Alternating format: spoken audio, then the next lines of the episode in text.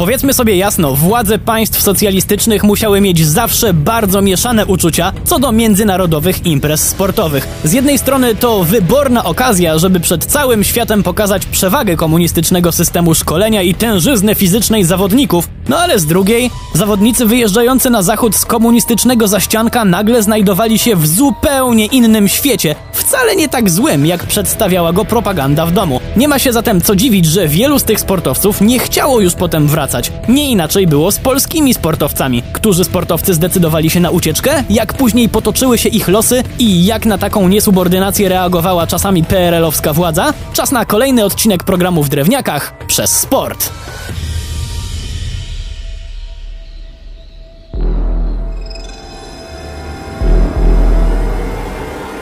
Historii PRL-owskiego sportu było naprawdę wiele przypadków takich ucieczek, chociaż w sumie to może złe określenie, bo w zdecydowanej większości nie były to pościgi jak z filmu akcji, a formalna odmowa powrotu do kraju. Taki sportowiec musiał mieć świadomość, że ściąga na siebie i często na pozostawioną w kraju rodzinę olbrzymi gniew władzy. Jednak to nie koniec, bo najzwyczajniej w świecie zaczynał od nowa. Jeśli był ceniony na rynku, to kariera sportowca często była naturalnym wyborem, jednak często trzeba to było rzucić i wziąć się za inną pracę, żeby jakoś się utrzymać. Mimo to wiele osób wolało to, niż powrót za żelazną kurtynę.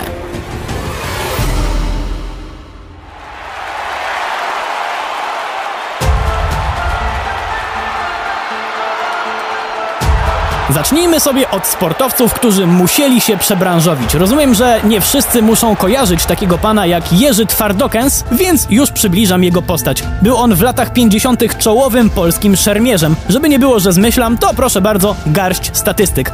Trzykrotne mistrzostwo kraju we florecie i raz w szabli. Nie ma się zatem co dziwić, że został wytypowany do reprezentowania Polski na Mistrzostwach Świata w 1958 roku. Zdobył tam zresztą dwa brązowe medale, ale o wiele ważniejszy dla losów pana Jerzego był fakt, że odbywały się one w Filadelfii. Chyba ciężej o większy szok kulturowy, jak przelot z PRL-owskich realiów do USA. Twardokens szybko połapał się, że na zachodzie jest o wiele fajniej. Można mówić co się myśli i w ogóle odmówił więc powrotu, mimo że w torbie miał tylko trochę ubrań, a w portfelu też szału nie było. Jerzy Twardokens zacisnął jednak zęby i wziął się do roboty. Przez kawał czasu polski szermierz pracował jako nauczyciel wychowania fizycznego w szkole, ale w międzyczasie studiował. I to nie byle co, bo biomechanikę. Po pewnym czasie obronił pracę doktorską i zaczął pracę na Uniwersytecie stanu Nevada, a dziś jest znany w środowisku naukowym jako autor masy ważnych publikacji i prawdziwy spec w badaniach technik narciarskich.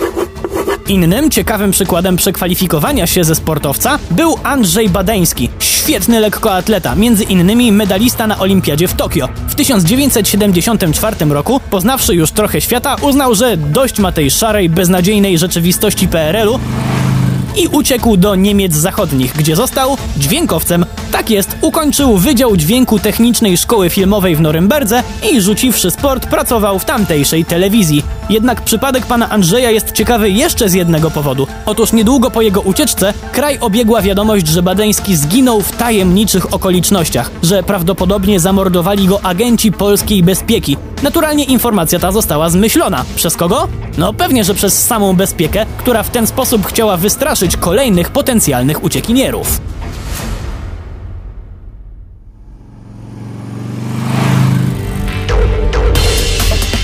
Naturalnie znamy też sporo przypadków sportowców uciekinierów, którzy przekwalifikowywać się wcale nie musieli. Mało tego, pozostanie za granicą sprawiło, że ich kariera rozwinęła się tak niesamowicie, że za żelazną kurtyną pewnie nawet o tym nie marzyli. Jako przykład weźmy tutaj sobie może coś z dyscypliny szczególnie w Lublinie szanowanej. A i owszem, żużel. Prawdziwą gwiazdą tej dyscypliny w latach 50. był Tadeusz Teodorowicz, wielokrotny reprezentant kraju, ale i ze swoim klubem Spartą Wrocław radził sobie świetnie. To właśnie ze Spartą w 1958 roku wyjechał na tournée do Holandii. Gdy sportowe emocje już opadły, panowie po meczu udali się do jednego z amsterdamskich kin na swoją drogą świetny dramat wojenny Most na rzece Kwaj. Koledzy mogli jednak pomyśleć, że Tadeuszowi film się nie spodobał, bo w środku seansu wyszedł z kina. Powód był jednak inny. Świat, jaki zobaczył na zachodzie, połączony z emocjami, jakie niósł film, sprawiły, że polski żużlowiec uznał, że ma dość komunistycznych realiów. Teodorowicz z kina od razu udał się na najbliższy posterunek policji, gdzie poprosił o azyl polityczny. Pewnym czasie otrzymał holenderski paszport, a w kolejnym roku znalazł się w Anglii, gdzie z otwartymi ramionami przyjął go pierwszoligowy klub Swindon Robins. Anglicy mieli nosa, żeby zatrudnić uciekiniera z Polski, bo nasz rodak, choć już formalnie Holender, szybko stał się jednym z liderów drużyny i odnosił naprawdę tęgie sukcesy. Prywatnie też szło mu całkiem nieźle. Ożenił się z Angielką, a między treningami i meczami znalazł jeszcze czas na prowadzenie własnego warsztatu i stacji benzynowej niedaleko stadionu. Do ojczyzny już nie wrócił.